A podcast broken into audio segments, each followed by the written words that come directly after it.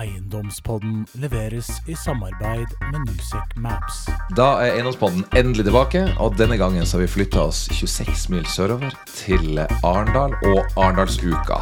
Eh, Her møtes politikere og næringsliv, og næringseiendom står eh, høyere på agendaen enn noen gang.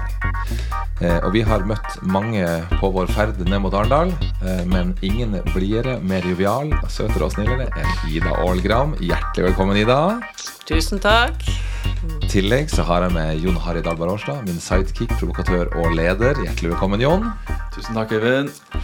Og sammen så skal vi snakke litt om hvorfor Ida og Ramm er til stede på Arendalsuka, hva dere tror om markedet fremover, og i tillegg så skal vi vite litt mer om Ida som privatperson. Så får vi se hvor mye du letter på sløret. Er du klar, Ida? Jeg er klar. Du, eh, kan ikke du ta oss litt tilbake? Litt sånn oppvekst, utdanning og karriere. Og så skal du få lov å verne så mye du vil om privatliv og starte hvor du vil. Ja, nei, du, Takk for det. Eh, hva skal man si? Kan egentlig begynne, begynne litt der jeg står i dag, for det sier jo mye også om, eh, om historikken, rett og slett. Eh, for jeg er veldig familieorientert. Det er egentlig kjernen i hele hverdagen nå også, selv om ikke er den siden dere ser mest. Men godt gift med Chris, som har vært sammen med i over 20 år. Jeg har tre barn på 12, 14 og 17, og en hund. Eh, og vi eh, ja, bor i halvannen kilometers radius rundt vår egen storfamilie, altså søsken på begge sider og besteforeldre. Eh, og frivillig tilbringer veldig mye tid med storfamilien på begge sider. også i ferie, blant annet. Og da sier jo det det meste egentlig om oppveksten. Eh, har vært veldig ja, nært og kjært til familien i alle år. Og er det fortsatt. Og min egen søster er vel blant mine aller aller nærmeste venninner, som jeg snakker mest med og gjør mest ting sammen med.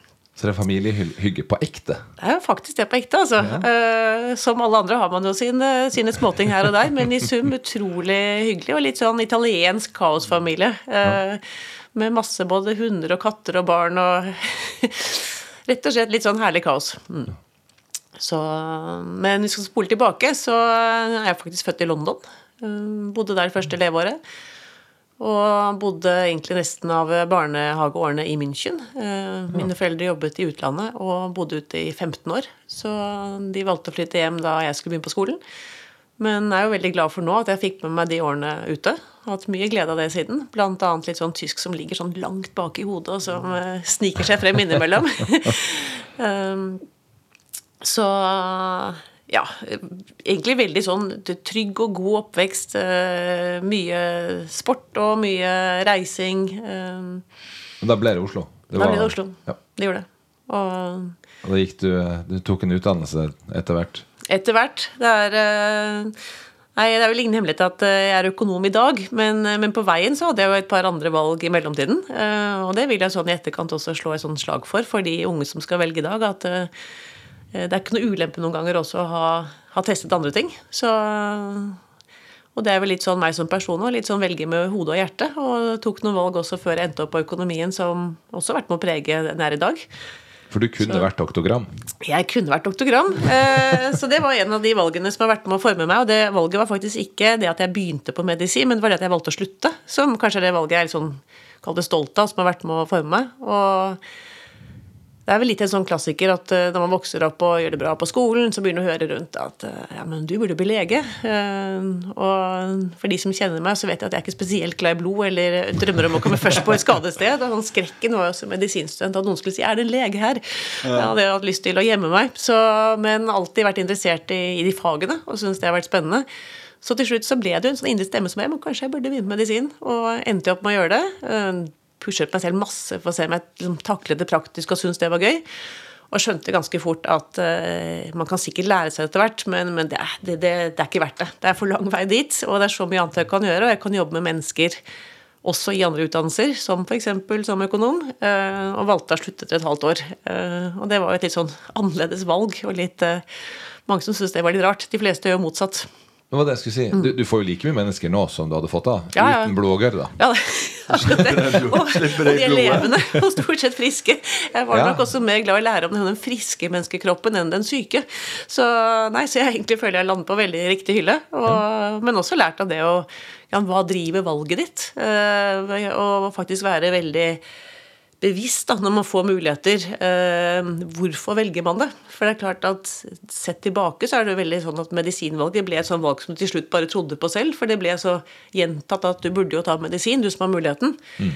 Eh, men man burde jo ikke det hvis man ikke vil. Og sånn er det jo litt i livet ellers òg. Eh, man bare kjenner litt etter hvorfor gjør jeg ting. Og det har jeg alltid hatt med meg siden når jeg har stått overfor valg. At uh, turt å la meg selv virkelig kjenne etter uh, hva som driver valget. Da. Om både hodet og hjertet virkelig har lyst. Uh, det har tatt veldig med meg. Og det å komme til Eiendomsbåten i dag, det var noe du Da tenkte du dette Dette Dette skal jeg gjøre i dag, med både hode og hjerte. Ja, ja. ja det er godt å høre, Ida. Mm. Eh, og så ble det en karriere etter hvert. Ja, det gjorde det, altså. Så jeg håper Før det ble den veldig seriøse karrieren, så hadde jeg faktisk også et år eh, etter videregående hvor jeg gikk på en ja, skal kalle sports- og aktivitetslederskole. Kall det litt som folkehøyskole, men med også utdannelse innenfor eh, reiseleder og eh, skiinstruktør og et par sånne ting. Og jobbet da på Fjell også en, gjennom den sesongen via det kall det studieåret, som jo var helt annerledes igjen. Så apropos hode og hjerte, så var også det veldig med å forme meg, og også ja, ble utdannet i å være si, reiseleder og teamleder allerede på, på den tiden. Eh, og det var fantastisk gøy. Og fikk med meg mye bredde, rett og slett. Eh, og Det var et like bevisst valg som når du valgte å, å slutte på medisin, eller? Altså Dette var sånn skikkelig hjertevalg. Eh, nei, det var veldig hjertevalg. Det var eh, Da jeg så den Jeg husker fortsatt så plakaten da jeg gikk på videregående om reklame for dette da, kall det studiestedet. Man kan ta et friår, prøve masse forskjellige sporter. Eh, samtidig som du får en utdannelse og arbeidserfaring da på, på skisenter. Eh, og jeg var aldri i tvil om at jeg skulle studere kall det ordentlig en gang, men ett sånt år først. Eh, det traff meg veldig, og har ikke angret et sekund siden. Eh, ordentlig sånn år hvor jeg følte at jeg, sånn, du datt litt på plass. Så, mm. du, du begynte ikke rett i eiendom? Nei, jeg begynte, altså Etter jeg da hadde sluttet medisin og begynte på, på, økonomistudiet, som jeg tenkte var et sånn safe bet eh, på at du blir litt potet, så fortsatte jeg egentlig litt den allsidige potetutdannelsen ved å begynne i McKinsey som konsulent. Eh, hadde hatt sommerjobb der også mens jeg studerte, så jeg visste litt hva jeg gikk til, og visste at dette var et valg som traff både hodet og hjertet. da, at ikke det bare var drevet av en mulighet som kom og man burde ta, men faktisk noe jeg ordentlig hadde lyst til å gjøre. Så jobbet der i ja, hva ble det for til slutt? Fire år pluss sommerjobben. Det var helt utrolig spennende. Jeg kunne sitte på jobben en fredag og få beskjed om at mandag morgen skal du være på et team som skal ha prosjekt i Moskva, eller neste gangen i Houston. Altså det var utrolig, utrolig lærerikt og gøy. Um, det der er jo en ordentlig skole. Ja, det var ordentlig det var, skole. men var det ikke jæklig tøft?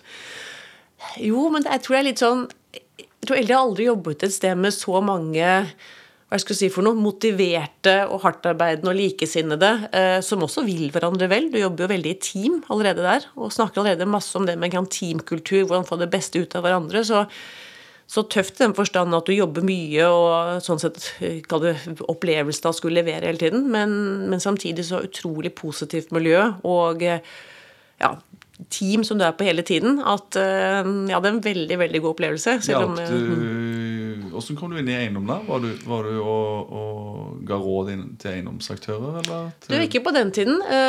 Men det som skjedde, som jo noen ganger skjer, er at jeg med da min kjære mann Chris fikk giftet oss og fikk et barn. Uh, og i den permisjonstiden så var valgets kval å gå tilbake eller ikke til McKinsey. Uh, og de var superflinke til å ville legge til rette. Jeg var egentlig veldig motivert, men samtidig så ville jeg jo da bare jobbe i Oslo, og mye mindre. Og da tar du på to av de faktorene i McKinsey som både gjør det veldig gøy, og eh, som jo egentlig jeg, passer i systemet. Å kunne reise og jobbe litt ekstra. Så da en eh, tidligere McKinsey-kollega, Morten Grongstad, ringte meg ja. på slutten av permisjonen og sa at han hadde blitt leder i Orkla Eiendom og hadde fått mandat i å investere jeg tror det var to milliarder eh, kroner i egenkapital, som var mye i 2007. Ja. Og trengte en høyre hånd og lurte på om jeg hadde lyst til å begynne der. Så var det valget egentlig veldig enkelt. For jeg hadde hatt veldig veldig godt samarbeid med Morten den tiden i McKinsey. Og ja, da ble det valget veldig enkelt. Og da ble det eiendom. Mm. Og etter Orkla? Hvor lenge var du i Orkla da? Der var jeg frem til 2012, eh, så det ble jo fire og et halvt år. Og vi rakk å få med oss eh, en utrolig lærerik periode hvor vi da satt mer eller mindre disse to milliardene egenkapital i arbeid via investeringer i flere regionale eiendomsselskap, inkludert Fornebu Utvikling, som jo da SPDE. Nei, du ja, ikke sant? Det var det akkurat. Det var? Scandinavian Property Development. Ja. Ja, ja, Det var eh, fornavnet til eh, Fornebu Utvikling, vel, som det etter hvert ble. Ja. Hvis jeg husker riktig. Ja, jeg håper å si Hva lærer du mest da? Når ting går eh, dårlig, eller når ting går bra? Det er ledende spørsmål. Nei, definitivt når det går dårlig. Eller ikke dårlig sånn, men når man har en, eh, en mer utfordrende situasjon å stå i. Og Ja, det kan man det var jo ingen hemmelighet at Orkla gikk jo fra vært, eh, skulle være konglomerat og vokse, bl.a. i eiendom, og sette masse kapital i, eh, i aktivitet, til og over natten om det var i 2010, eh, skulle gå til å bli et ren merkevareselskap. Og ergo komme seg ut av alle de posisjonene som vi hadde kjøpt oss opp i, med intensjon om å vokse. Og den, eh, kall det motbakken der, var eh, lærerik. Mm. Ja, men dette jeg må bare dra en kort digresjon eller en, i forbindelse med dette. For jeg husker jeg var på en generalforsamling. Av en eller annen grunn så har jeg rota meg inn der. Og da var eh, Da var Morten der, husker jeg. Husker ikke hva rolle han hadde. Men så var han der Kåre Fryden. Så mener jeg òg å huske at hun eh, Hun som var i oljefondet, som nå er i REQ. var inne i en eller annen Eh, Nina Ja, Nina som, som var inne i en eller annen innledelse i forbestilling. Men du også jobba i, i Orkla, som da hadde en deleierposisjon i SPD. da Mm, eller Fornebu Utvikling, som Ja, det het etter hvert. ja, ja. Så ja, Men da var det jo altså. det var jo det, det var jo det aksjonæropprøret. Jeg husker det satt en, en dansk eh, eh, med noen fondspenger der som satt og skreik. Og nei, Salbuvik òg, styreleder der, tror jeg. Det var fantastisk. Du husker jo bedre enn meg på hvilke det var- Dette var bare noen, noen eh, sånne skikkelser og navn som på en måte var eh, Ja, som, som satt i litt tøffe, tøffe utfordrende situasjoner. Og så er det kult at du var der, for jeg er helt sikker på du lær, Det er jo ingen som lærer noe i medgang. sant? Du bør bygge opp et uh, stort ego der du tror du kan gå på vannet til slutt. sant? Og så Oi sann! Eh, sant? Og så Ja. Ja, jeg tror du lærer Det er, eh, ekstremt av det. Jeg tror også man lærer masse av det. Og det var jo noen paralleller, selv om det var en annen type situasjon enn nå. Så type Fornebu Utvikling-caser var jo også litt et likviditetsskviss. Underliggende verdier på de tomtene var jo alle enige om at kom til å bli veldig bra også på sikt. Ja. Men det var en likviditetskviss Og det er jo visse paralleller til eh, dagens marked, ja. med at plutselig har likviditet fått en, eh, en ja, stor plass igjen. Så nei, helt enig. Det er det absolutt i de tidene. Mm. det er alltid sånn, Øyvind, Du har jo sagt at det er mange foredrag du har hatt òg. Når du driver med utvikling, så må du jo ta høyde for én til to kriser Mm. for å få et prosjekt ferdig opp å stå. Det viser jo historien. Ja. Hvis ikke du går inn i det med tilstrekkelig tilgjengelighet, altså tilgang på kapital, så kommer du til å gå tom. For Mm. Ja. du kommer jo til å gå inn i en krise hvis du ser på historien. Og så har du vel også sagt at eh, før var krisene dypere og, Og sjeldnere. Men nå er de mer sånn hyppigere. Nå kan du ta med en ny buzzword Crisatunity, som også er en av de det blir snakket om på Oslo. Urban Week, som eh, jo blir den neste store sosiale eventen etter Arendal. Ja, for det kommer er jo- muligheter ut av disse krisene? Det kommer muligheter, og det er jo litt det som erfaringen viser også. At eh, som du sier, både kommer det lærdom på det personlige og selskapsmessige plan.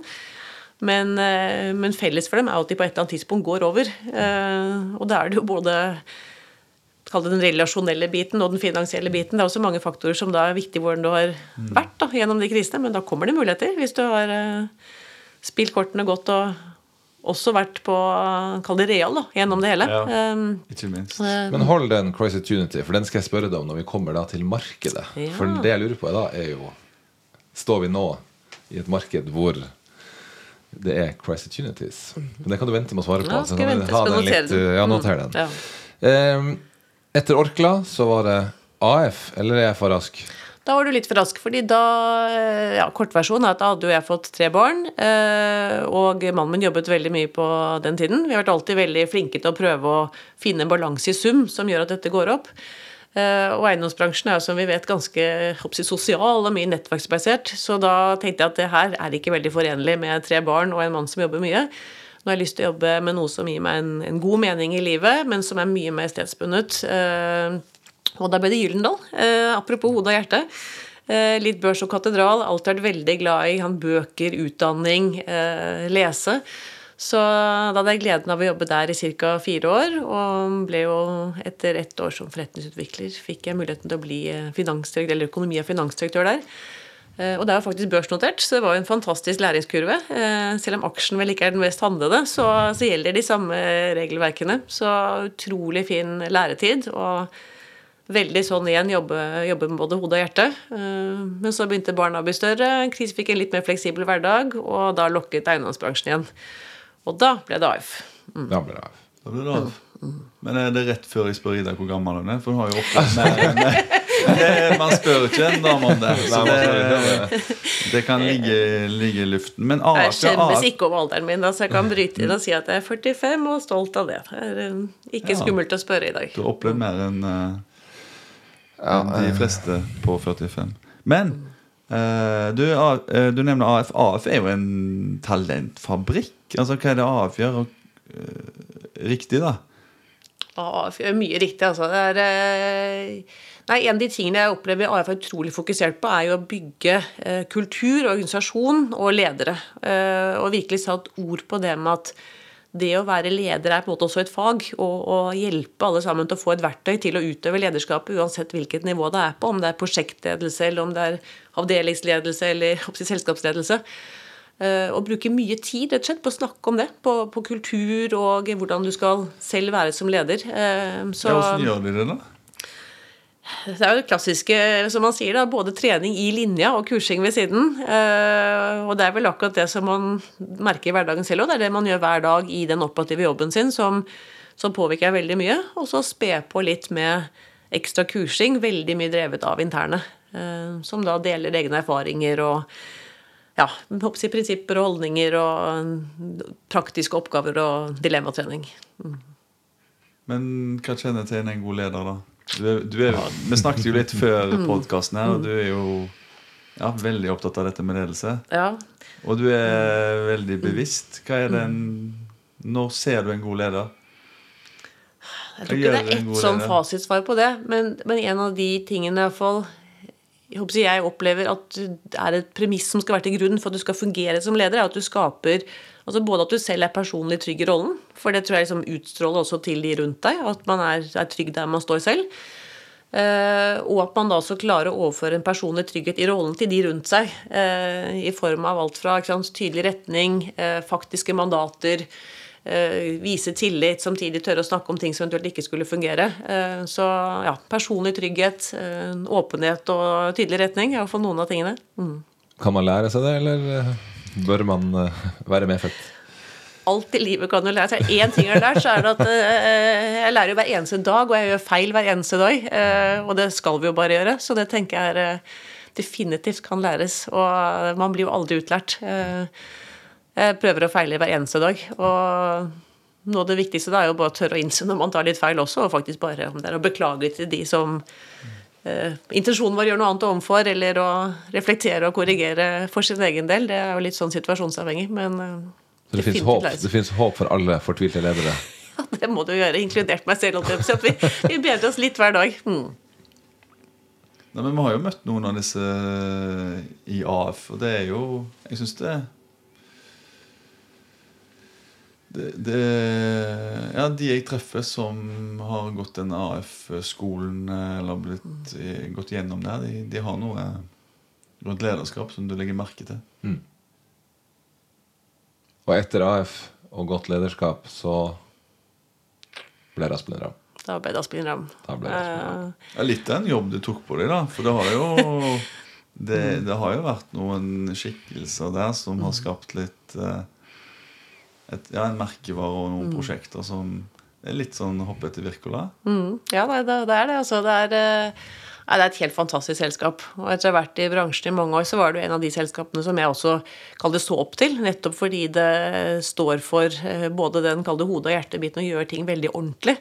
Eh, og det vi snakket om å være liksom real og, og langsiktig, det er liksom noe man forbinder med selskapet. og da dette kom opp, så viste det seg at sånn var det jo på innsiden også. Hele veien opp til, eh, til eiernivået, som jo er med å liksom legge hele grunnlaget for hvordan ting utøves over tid. Eh, Så da forsterket jo det bare det inntrykket jeg hadde av selskapet. Og da tenker jeg egentlig mer på det, på det fundamentet som fins nå, og hva eierne ønsker videre, og det flotte grunnlaget som først Petter Groth og så Gunnar Bøhum har gjort som ledere, enn at det er skummelt. Altså, for det er mer sånn at det er et bra grunnlag å bygge videre på, eh, og alt til sin tid. Så ja, så svaret er vel egentlig at uh, jeg tenker ikke så mye på Wirkola. Jeg si sånn, jeg får masse Nei. spørsmål om det. Ja. Uh, men tenker egentlig bare at det er et stort privilegium å få lov til å fortsette uh, å kunne være med og sette forhåpentligvis mitt preg da, på hvordan Kall det versjon 3.0, da. Ja, og som etter, blir, uh, blir det 3-0 med, med Asbjørn Ramm. Blir det en annen retning enn det vi har sett før, eller blir det Det kommer til å kjenne en Aspelin Ramm. Det er jo det fine. Eh, At det er jo så mye av eh, Altså hele kjernen i Aspelin Ramm, langsiktigheten, det å være opptatt av kvalitet. eh, Det å være opptatt av menneskene, både de som jobber internt, og kundene og miljøet rundt seg. Alt det kommer man til å kjenne igjen. Så ingen fare for det. DNA-et vårt har ikke endret seg. Så er vel en av eh, mine ambisjoner på vegne av oss sammen i selskapet at vi skal fortsette å vokse. Og for å kunne klare det, så må vi nok også liksom få med hele organisasjonen og liksom spre ansvaret utover. Eh, For ellers så blir jo vi i, den, i ledelsen en flaskehals. Så, så drømmen er jo rett og slett å, å, å få hele organisasjonen med. Og liksom virkelig bygge det teamet og gjøre det robust og skalerbart. Og helt uavhengig om det er jeg eller en annen som sitter og hoppsi styrer skuta. Men du mener vokse i, i hva forstand skal du vokse? Skal du vokse utenfor uh, andre geografiske områder eller andre segmenter? Eller i, i antall eller ekspertise? Eller ta flere ressurser internt istedenfor Hvordan Hva tenker du? altså, det vi ønsker er jo, eh, Vårt langsiktige mål er å skape varige verdier. eh, For både de som jobber der, for samfunnet rundt, for eierne våre, innenfor hvert lokalområde vi bygger noe i. Så i det så ligger det at vekst blir automatisk også litt volum. eh, At vi faktisk får gjort flere utviklingsprosjekter. Det er jo der vi får brukt kompetansen vår. Og det er der vi ser at vi har aller mest å bidra med eh, gjennom den skaperfasen da, av et prosjekt. Så, eh, så sånn så er det å komme til flere utviklingsprosjekter, som er noe av kjernen i det. Og så ser vi at det er masse muligheter i de markedene vi er i i dag. Vi er jo, Aspelin Ram vi snakker om mye, er jo Aspelin Ram eiendom i Oslo og litt omkringliggende kommuner. Der kommer vi til å fortsette. Og så har vi også Aspelin Ram Fastigheter, mm. som har Göteborg som eh, sitt nedslagsfelt primært. Så det er på en måte med de to basene da, at vi kommer til å fortsette å, å ta mulighetene. Men fortsatt på jo- tvers av jeg- ulike segmenter, for det har vært noe Ja. av det som har Men dere er, Ja. Definerer dere som en byutvikler, eller er du mer en sånn eiendomsutvikler? Eller er du mer altså, Kall det et bygg, da. Er du en stedsutvikler? Det er litt populært å kalle seg det. Ja, det er så mange fine ord. Så det vil vi opptatt av, er at eh, det er det området, eller altså det er alt det omkringliggende bygget også, som er en del av det vi skaper. Så om det da blir sted eller by eller område, det kan, jo, kan man jo finne ulike ord på. Men, eh, men isolert sett bare bygget blir litt for snevert, og det tror jeg flere og flere også tenker, nesten uavhengig om de er rent finansielle eller litt mer industrielle, da, som jeg kaller det når man også er utvikler. Så jeg er veldig opptatt av det rundt, og også se effektene på bygget. Type Vulkan i dag. Og se hvor mange mennesker som besøker det daglig. Eh, Det er jo på en måte langtidseffekten da, av noe som har vært utviklet eh, for mange år siden. Du, Vi har jo hatt gleden av å ha dere eh, i noen prosesser der det har vært partnersøk. Og jeg må jo si dere dere er veldig gode i den der partnersøkfasen. da.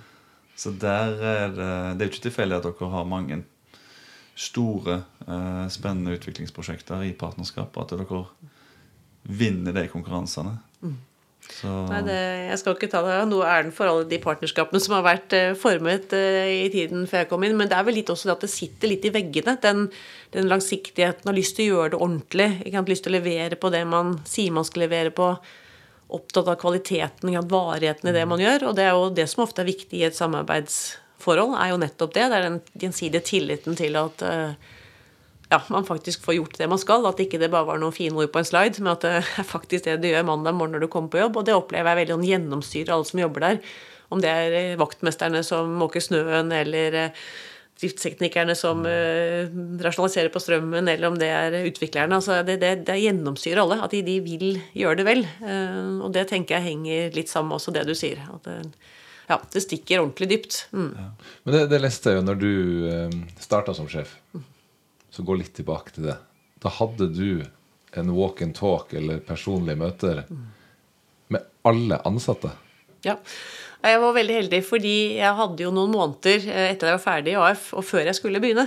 Eh, Og da fikk jeg i samråd med både Gunnar og styret muligheten til å eh, bruke den tiden som jeg ønsket i organisasjonen. Og da var hovedprioriteten min for gjengen om eiendom i Oslo, som er de jeg har det daglige ansvaret for, å få snakket med alle. Og da, da er alle alle. Vi er et team. Helt Og alle, uavhengig. alle, hvor mange er det? Cirka 50. Mm. Så, og det er jo noe av det fineste jeg har gjort, for da fikk jeg mye mer opplevelsen av det DNA-et som sitter i, i selskapet, og hvor mye fellesnevner det er på tvers av alle sammen, helt uavhengig av hvilken fysiske rolle man gjør fra dag til dag.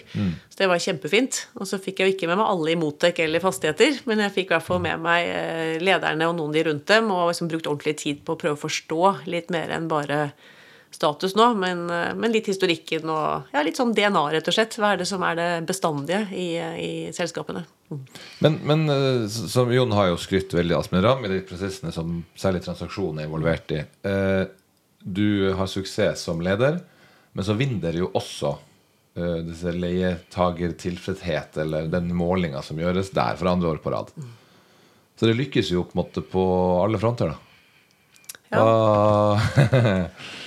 ja, men det er lov å være stolt av det. Du, Det er en kjempestolthet i organisasjonen uh, for den uh, KTI-en, altså leietakerindeksen. Og, og det ligger mye hardt arbeid bak. Det er ikke bare noe som måte, plutselig ble sånn. Det er jo en veldig, veldig eh, bevisst og fokusert holdning rundt at de som leier hos oss, skal, eh, skal være fornøyde.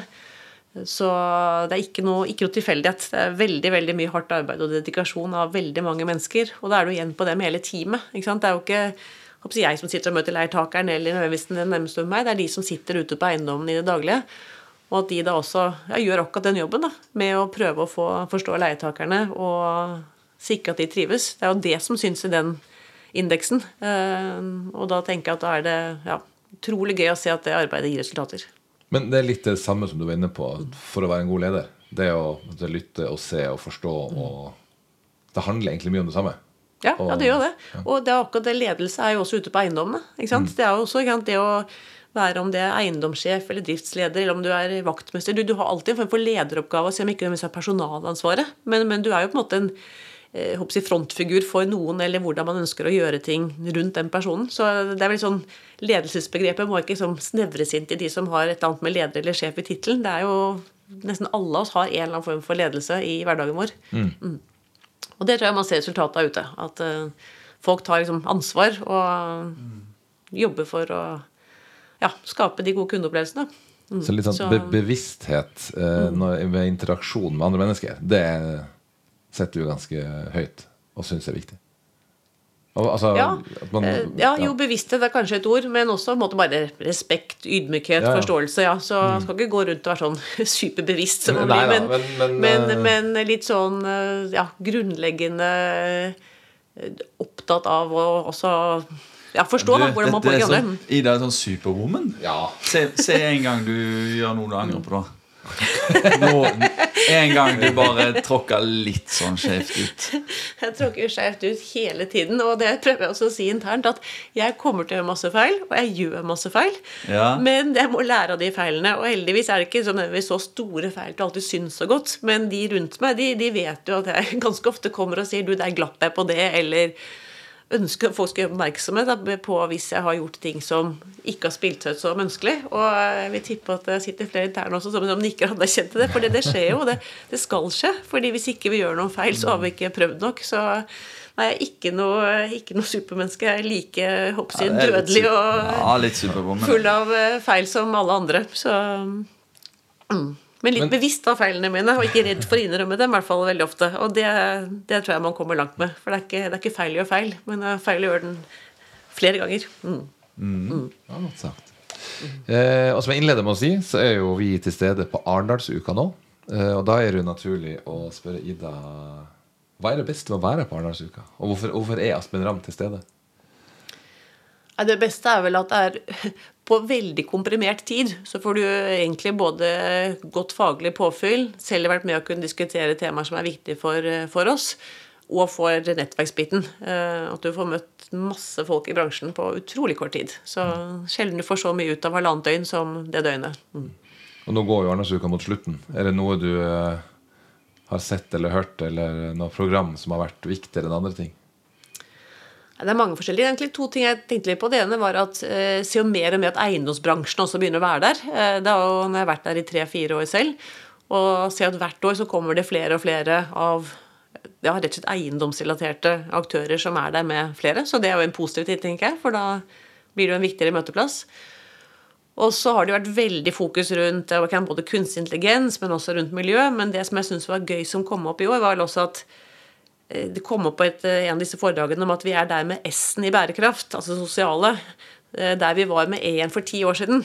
Mm. Uh, og i Aspinram så har man vært veldig opptatt av også S-en i veldig mange år. Så at vi skal være litt bevisste på at vi skal være med oss og fylle den med håndfaste og konkrete ting, så vi slipper å bruke ti år da, på å komme dit vi er med E-en i dag.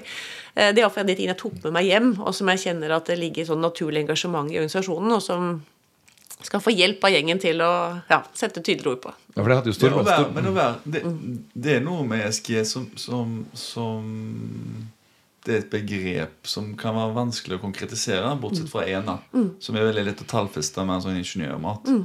Men hvordan konkret tenker dere å jobbe mot det sosiale aspektet innenfor bærekraft?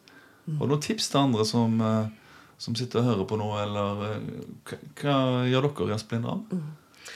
Uh, du, det er, det er, egentlig ganske bredt.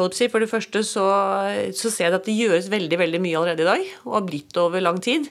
Og det vi skal prøve å gjøre nå, er å gjenbruke noe av det man har gjort i et prosjekt på tvers av prosjektene. Så det blir jo rett og slett å sette litt tydeligere ord på også hva er det man har gjort og som trives med å gjøre, og hvordan gjøre det en gang til.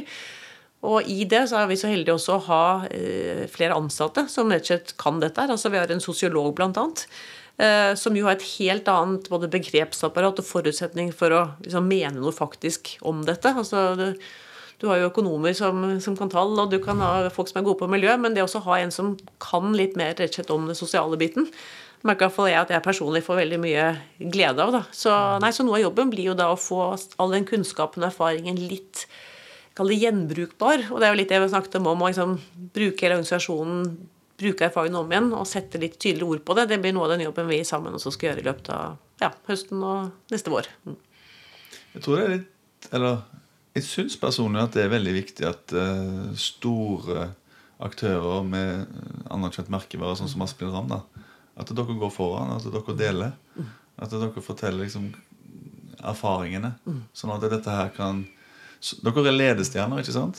Uh, og skal en få en forskjell, så må en jo få flere med. Mm. Og ikke bare gå foran og øke avstanden til den, til den neste. Mm. For du kan konkurrere kommersielt. sant? Når det gjelder det SG og, og, og, spesielt sosial bærekraft, så bør jo være noe som en, som en uh, inviterer andre til å Som ikke har alle ressursene, mm. da. Som ikke kommer inn i alle de foraene og, og, har alle sosiologer og andre. sant? Ja, nei, vi skal invitere, vi altså. Den skal vi ta. Vi eh, fikk jo pusset opp lokalene våre på Vulkan i de samme lokalene, men gjort om litt på funksjonaliteten. Eh, sånn at vi også fikk en, en sånn felles sosial sone, hvor vi da begynte å invitere til frokostmøter. Det er ja. frokostmøte neste uke, tror jeg også, bl.a. om kommuneplanen, som er ute på høring. Så det har vi begynt å aktivere nettopp for å kunne ta opp da, mm. ting som engasjerer enten oss eller andre. Så da kan det godt hende det dukker opp et eh, frokostmøte med sosial bærekraft som tema. Ja, bra. Men, men Arendalsuka da, som et arrangement sammenligna med MIPIM eller uh, Oslo Urban Week Får man et måte, litt annen innfallsvinkel til vår aktivaklasse ved å være der istedenfor Til forskjell fra eventuelt MIPIM, hvor, hvor, det, hvor det bare er oss uh, eiendomsfolk som er. er nei, altså, jeg syns Arendal har et enda tydeligere faglig fokus. Mm. Uh, så du får veldig mye kall det gratis eh, faglig bare ved å være på en del arrangementene som, som, er der. Og i tillegg har du den sosiale dimensjonen. Så eh, for eh, min og vår del så er nok Arendal et veldig mye mer naturlig sted å, å være. Ja. Har heller ikke en tradisjon for Asplin Dam å være på MIPIM, så Arendal definitivt bedre. Og Oslo Urban er mye mer sånn lokalt Oslo. Så for alle oss som har en base i Oslo, det som kjernemarkedet, så blir det også et veldig naturlig sted. Så er det bare å velge de arrangementene som gir eh, mest nytteverdi. For det er jo et ganske fullspekket program der også. Mm. Jeg vil bare legge til det jeg har snakket om, da, Eivind, som erfaringen rundt Arendalsuka, er jo at eh, du, du, ser jo virkelig eh, hvor liten avstand det er mellom i, i det norske hierarkiet da, der du møter beslutningstagere på det høyeste politiske nivået. Det høyeste næringslivet. Vi hadde jo selv, eh, sto jo lang, lang samtale med, med sjefen i Gjensidige her. Mm. Sant? Du, og det, og, eh, ellers så går du rett forbi forsvarssjefen. Eh, bare trask over der, og han Eller du møter Nicolai Tangen. Eh, god morgen. Altså, Det er ekstremt kort avstand mellom menigmann eh, og de høyeste innenfor politikk og næringsliv i Norge. Ja. Altså, Jeg kunne aldri sett for meg at det der kunne skjedd i, i en annen eh, Ja, i et annet land i verden. veldig satt. Veldig sånn tilgjengelig. Ja, Eh, veldig ja. tilgjengelig. Veldig nedpå. Ja, så det er veldig sånn korte avstander. eh. Men det er vel også litt DNA-et til Arendalsuka at eh, Ja, det topp at toppledere ligger på feltseng, og noen bor i båt, og noen bor i bil. Altså, Ja, er, det er man tar det litt ned, liksom. Ja, tar det litt ned, og hele dresscoden, hele atmosfæren og Ja. alt man snakker om. Så Samtidig som det er høyt faglig nivå. Men jeg er helt enig, og det gjør jo også at det blir veldig sånn naturlige diskusjoner om ting. Fordi du får ikke den striglede settingen. Mm. Og så for egen del òg Vi selger jo ganske mange prosjekter i Newsec. Og det er klart at eh, når du selger da tomter som er uregulert, eller tomter som kanskje skal Eller eiendommer som er gjenstand for konvertering, eh, får beskjed om å pitche på en silo, sant? eller du, det er noe dyrka mark altså, Det er klart å ha med seg den underliggende eh, trenden. da eh, Hvor vind blåser, eh, hvor sterkt ønsker det innenfor studentboliger, hvor sterkt eh, ønsker det for eh, naturnøytralitet. Eh, hvor eh, Altså De tingene der det er jo verdifullt når du skal inn og være en rådgiver. også. Og så har jo Tone Tellevik eh, Dahl gjort en kjempeinnsats med å Og hun er også tidligere politiker, så hun hadde også gode forutsetninger for å skjønne hvilke knapper hun skulle trykke på. Men hun har jo trykka på det òg. Ja, veldig. Tone er jo på hjemmebane i Arendal, så det har vært kjempegøy. Jeg har hatt gleden av å sitte i styret i Norsk Eiendom. Begynte vel nesten samtidig som Tone i sin tid. Og utrolig gøy å følge. Og jeg ser også, ja, apropos det med at det er en kompleks bransje å, å liksom, trekke sammen, hvor viktig det er. Eh, For vi jobber jo med veldig mye som jeg håper si, får påvirkning på veldig veldig mange. Eh, Alt fra antall boliger som skal bygges, til utformingen av de, til eh, kontorer, til kan kjøpe seg der ut. Det er veldig veldig mye som påvirker folk. Så det å få den politiske ja, samlede kraften der er ja, veldig, Så er det jo en av de få næringene der du virkelig kan gjøre eh, noe med, med klimautslippene.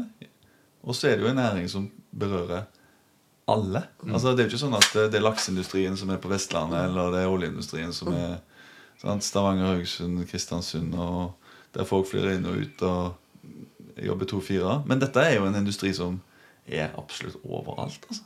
Det var noe Kristian Ringnes trakk frem når vi prata med han eh, her om dagen. Nettopp at dette er noe alle har et forhold til. Ja. Eh, og alle, Han sa vel nesten at alle eier næringseiendom, men han, han mente at om du ikke eier, så sitter du der. Eller Ja, han har en, en relasjon knyttet til vi Du er direkte indirekte berørt. Mm. Og så er det jo dessverre, som du sier, i, kreft kraft av miljøet, Jon, at uh, vi er jo en miljøversting. Så skal du gjøre en forskjell, så Jo, men Det var vel litt det du var inne på i starten. I, jeg vet ikke om mikrofonen var på eller, eh, eller av, men, men vi snakket jo litt om det. Sant? Det, det å kunne gjøre en forskjell er jo en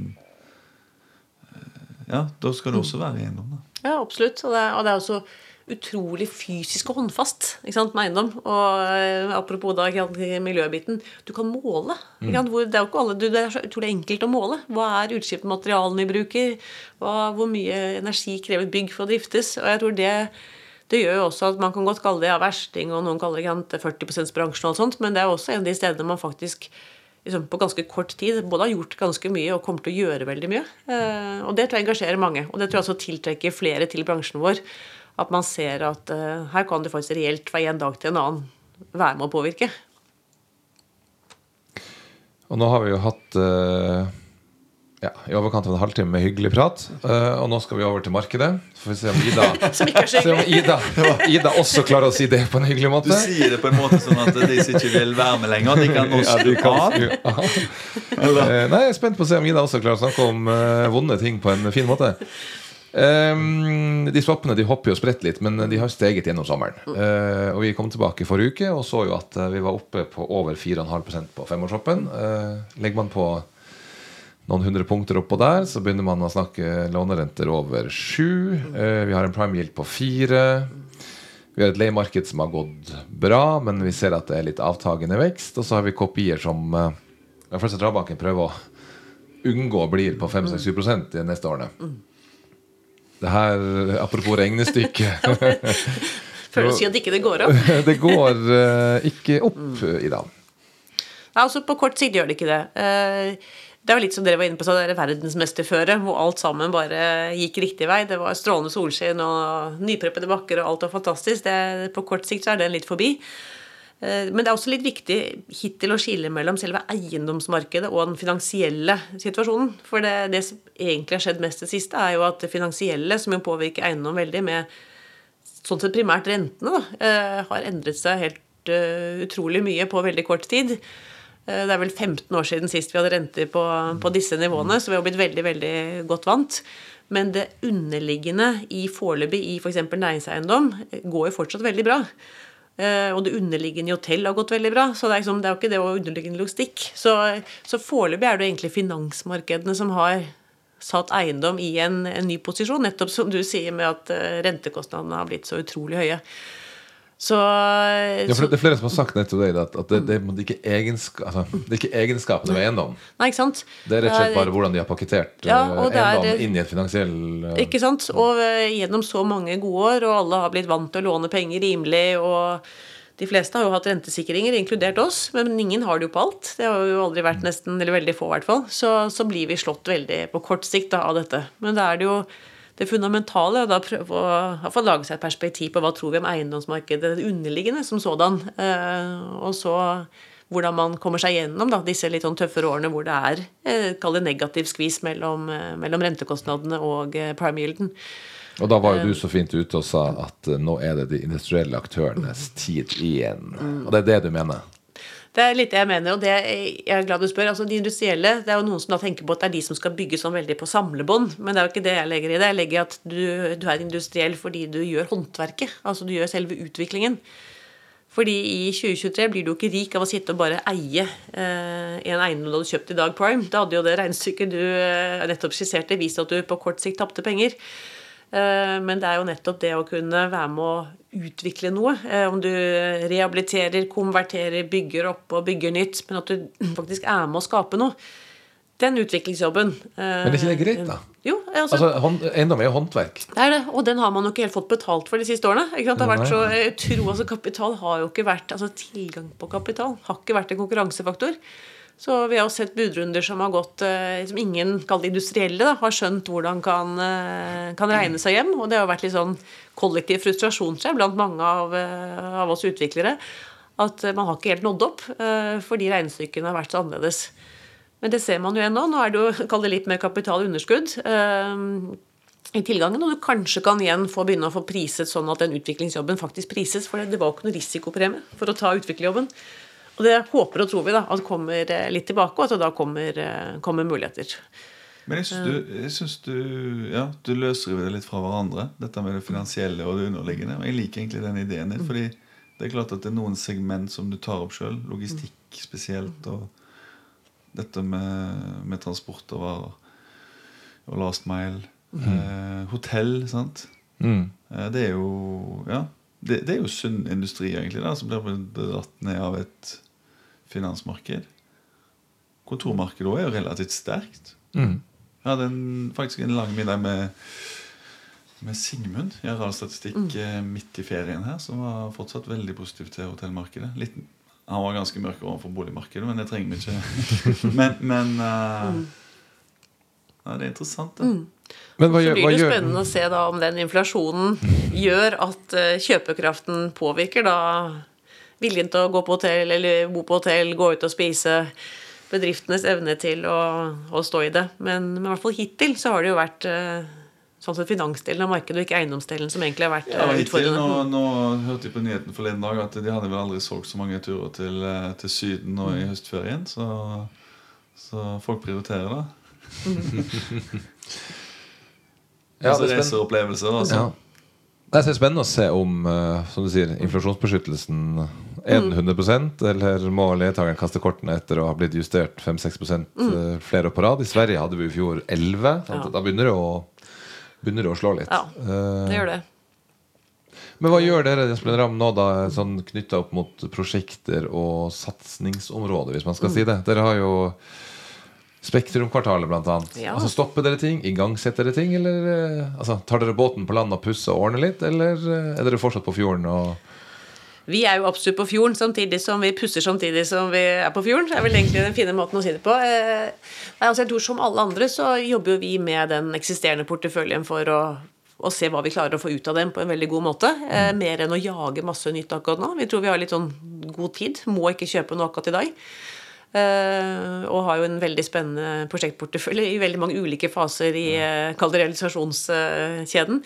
Så vi begynte jo faktisk da det jeg tror er det største private næringsprosjektet i Norge i år, med Campus Ullevål med 36 000 kvadratmeter, sammen med NGI. Som vi er i 50-50. Eh, Byggestartet i april. Eh, Så sånn sett er å svare på spørsmålet ditt at vi er absolutt på fjorden. Eh, Og vil, vil jobbe veldig hardt for å få realisert det så det langsiktig blir bra. Det er jo ingen hemmelighet at, at det er tøffere kalkyler nå i 2023 enn det var tidligere. Så på kortere sikt så er det jo et, et mindre, jeg si, mindre mm, robust bilde, men vi har veldig tro på det underliggende og langsiktige i det, og som gjør at vi allikevel går i gang. Og det er vel litt sånn sett svar på spørsmålet ditt. Vi skal være på fjorden. Eh, Vi skal være med, vi jobber for å realisere prosjektene vi har i pipeline. Men vi skal samtidig passe på at båten er i veldig god stand, og gjøre det vi kan med den. Så dermed så kommer det til å være fortsatt fullt trykk på utviklingsprosjektene våre.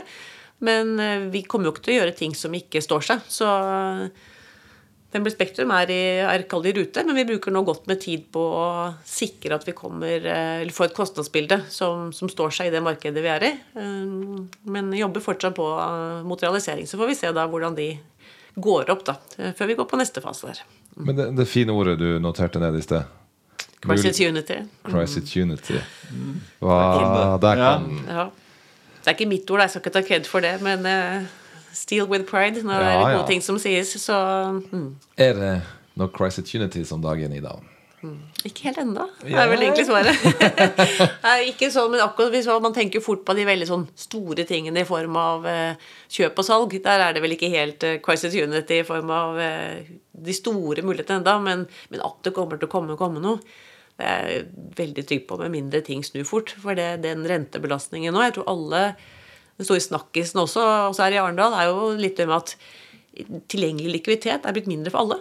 Så enkelt er det bare. Eh, Og det vil jo si at man er litt mer eh, hva skal jeg si for noe, eh, varsom med hva man bruker den på. Og for noen så blir det jo heller ikke nok likviditet til å sitte på det de sitter på. Og da, da vil det jo skje et eller annet. Men det er vel også litt sånn konsensus om at det ikke sånn nødvendigvis akkurat nå i august. Det, men det kommer, kommer til å komme når dette bildet her setter seg litt over tid.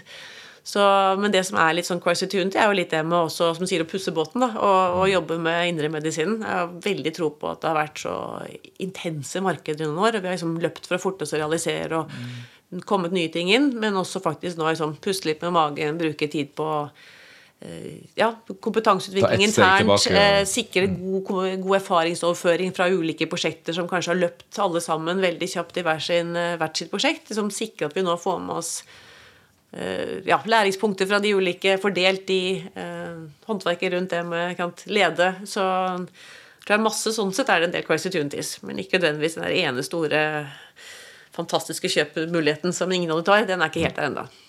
Men, men eh, når krisen eh, kommer nærmere eller blir større, eh, fra ditt perspektiv som investor, og eventuelt også fra oss som megler, blir det konstellasjoner? Blir det enkeltkjøp? Blir det, er vi færre selskaper om et år? Er vi flere? Altså, hva tror du på en måte Hvordan skjer endringa? Ja, hvordan skjer endringen? Eller går gilden bare opp 150 punkter, og så Ny Arendalsuke? Eh, Nei, altså Noe kommer jo til å skje. Ja. og om det blir eh, jeg, større og sammenslåing, det gjenstår å se. Men at det heller blir færre enn flere, det tror jeg nok. For det er jo litt det vi snakket om. eh, Kall det de industrielles tur. Eh, Det er jo en grunn til at vi snakker at det er de industrielles tur igjen. Det er jo fordi det kom så utrolig mange andre eh, som så hvor, kall det raskt det gikk eiendom. da, Så man kunne være ganske finansiell og bare tjene penger på å kjøpe og selge. Egentlig tenkte du ikke å utvikle noen ting eller kunne noe om eiendom annet enn å få kjøpt noe, for da solgte du det igjen til, eh, til en høyere pris etterpå. Og den delen av det, den veldig finansielle, er nok sånn på kort sikt ikke like jeg, lukrativ, da, siden renten er som det er. Så sånn sett tror jeg nok litt på færre.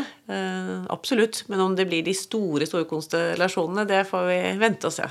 Men, men eh, jeg har jo selv vært eh, i Alpene sammen med deg, Ida. Og jeg vet jo at du er lett å snakke med, og man kan fortelle en hemmelighet eller to. Altså forteller ikke du det videre, da, men nå skal jeg spørre om du kan fortelle en hemmelighet videre.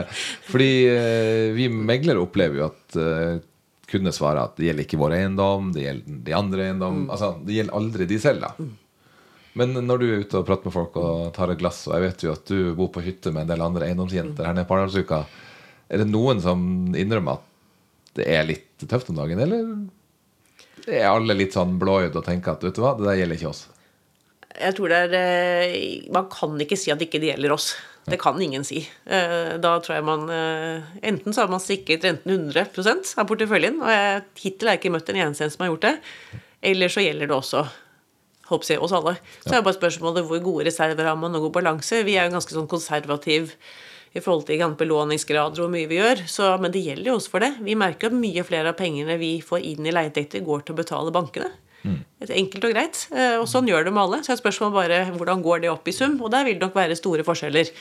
Eh, Det tror jeg nok. Men, men at alle merker rente, det tror jeg ville vært eh, Jeg tror ikke du Ja. skal høre på de som sier at ikke det, det, det merkes. Jeg tror det, jeg tror det er uavhengig om du er belånt òg. Altså, det er klart det. Ja? Mm. Verdien endrer seg. Sant? Så det er litt mer svett når du er belånt. Da blir du litt uh, Litt mer finansielt stressa. Men uh, det rammer alle. Vi har jo skrevet ned verdiene her med snitt 10 Rett i overkant av ti års- kont- kontor Oslo, ja. Siste oversikt år for år. Mm. Og så da Og så hensyntar du inflasjonen, så er du ned 15-16 Ja, 17 da. også enkelte områder der er selvfølgelig mye mer, og noen litt mindre. Men, eh, og jeg eh, Ja, nå skal jeg ikke foregripe. Vi skal ha et quality board Neste uke. neste uke. Mm.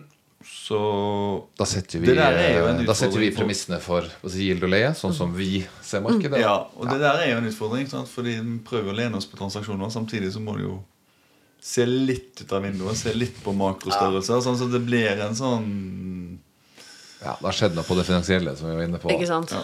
Og spørsmålet er om har det vært noen transaksjoner ennå som på en måte er en reell puls, da. Ikke sant? For det Det var jo den tvenge sin, da. Og det er mange som Tve- Tvenge sitt når de kjøper formuesforvaltning eller det, det norske liv. sant? Altså, Jo da, men det blir også et spørsmål. Er de kjøpene som er gjort, eller transaksjonene som er gjort, er de gjort i et distressed marked, eller er det ikke det? Eller, altså Nei, det Vi har ikke masse masse empiri vi Nei. kan vasse i, så diskusjonene blir jo eh, Det blir iallfall hvert fall å heftig. gjøre eh, det aller beste vi kan for å sette noe, noe fair. Vi har jo Ja. ingen agenda enn å sette en fair pris. Så får se. Vi skal begynne å avslutte herfra. Eh, Du skal få lov å reise hjem Ida, til Oslo og Chris og tre barn. Eh, Men du må innom en du, Ja, altså vi må, vi må få deg litt ut på ja, men Vi hadde noen private kjepphester som Ida Ja, altså som, som trenger litt plass. Ja, altså Ida, du fremstår jo som eh, Ja Ordentlig hel ved. Det er lite gærent. Det er lite å ta deg på. Eh, som sagt, jeg har vært i Alpene med deg. Du er en jævel på ski i tillegg, så du henger gjennom skogen med oss gutta. Eller vi henger etter deg. Eh, men kom en tabbe, da. Ja, men mens du, ja, men mens du tenker på det, kom heller med, kom heller med en fanesak. Ja, det er en fanesak. sak. Ida, du har, du har noen fanesaker som du som Altså, du brenner har- for utenfor jeg liksom, har arbeidslivet. Ja, Nei, Vi har mange, mange små og store fanesaker. jeg Nei, hva skal man si? Eh, altså En ting på vegne av bransjen vår, så er det jo litt å fremsnakke bransjen vår. eh, på hvor jeg hvordan vi setter både de fysiske rammene for ja, alle folks liv, egentlig, med det vi gjør. Og sånn sett eh, kan vi være med å påvirke så enormt mye. eh, både på E-en, som sagt om, og S-en, og altså hele, hele hverdagen til folk. Så det er rett og slett å slå et slag for at eh, det å jobbe innenfor eiendomsbransjen er et sted hvor det virkelig kan være med å påvirke, og sånn sett tiltrekke oss en enda større bredde enn det vi har klart i dag. Det skjer jo stadig noe, men, men det er litt sånn fanesak. En eh, team, og at vi alle sammen skal gå sammen rundt det. Eh, Så ja. Det er vel iallfall en av de. Så begynte jeg som jeg sa tidligere, begynte dagen med å høre på, på nyhetene og hørte om hvordan mange lærere slutter i jobben etter bare noen få år. Og det er jo en sånn annen fanesak. at det å satse på utdanning, eh, og virkelig også igjen fremsnakke den bransjen, har dyp respekt for de som bruker dagen sin med å lære barna våre eh, både faglige og ikke-faglige ting via, via, skolesystemet. Og sikre at vi har en ordentlig god lærerstab som er eh, får den krediten de fortjener, og igjen da fremsnakke den bransjen for å få mange til å velge den som utdanning og stå i det. Det tror jeg også er er et paradoks. Skal gjøre det, men du som økonom da, og, og fokus på mm. dette her, vår neste generasjon og utdanning Altså, eh, Gir de mer lønn? Er det det egentlig Altså har ikke jeg alle fasitsvarene, det hadde vært veldig enkelt. Min, min, men, mindre kjeft, for det er jo ja, et paradoks. Ja, og det er vel litt av det også. ikke sant? Foreldredisiplinen. Ja. Eh, for jeg tror nok også det å stå i, eh, i dagens foreldre, og alle meningene de har om hoppsi, både egne barn og hvordan ting skal undervises og dette. Jeg tror liksom det går litt på den biten også. Og dette, dette er jo lærere som er kanskje under 30 år, ja, ikke sant? og så sitter og får kjeft av foreldre på 45 mm. ja. dagen lang. Så ja, det er akkurat det. Og det, man hører stadig sånne skrekkhistorier. Så, nei, så både respekten for det, eh, hvordan vi foreldre er eh, Sikkert noe på lønnsbiten også, men det virker jo ikke som at det er det hvem som driver. Det er hva man opplever å stå i i den hverdagen. Så det må vi i hvert fall passe på at vi ikke glipper på. For det er noe av det viktigste vi gjør for å sikre bra tilfang til arbeidslivet fremover. Mm. Man har blitt godt kjent med Ida. Ja Det var helt fantastisk prat, Ida. Superwoman. Superwoman. Ja. Høye forventninger. Så vi ønsker bare å takke for praten, vi. Ønsker deg en god sen sommer og høst. Eh, da blir det kortere dager, mørkere dager, eh, og så satser vi på at eh, bransjen vår går motsatt vei. Bra. Takk for praten. Vi skal gjøre vårt i hvert fall til at vi kommer oss gjennom disse årene også. Tusen takk, Ida. Og takk til deg, Jon. Tusen takk. Alltid hyggelig å ha deg i studio. Ai, Kjekt å være her. Og vi er tilbake med Eiendomspodden eh, med nye oppdateringer. Og eh, jeg sa før sommeren at McKinsey var på vei. Eh, de kommer nå i september. Da skal vi snakke litt om visjoner innenfor eiendom i et litt større perspektiv, og kanskje litt mer globalt perspektiv. Så det blir en interessant prat. Takk til alle som lytter på. På gjenhør.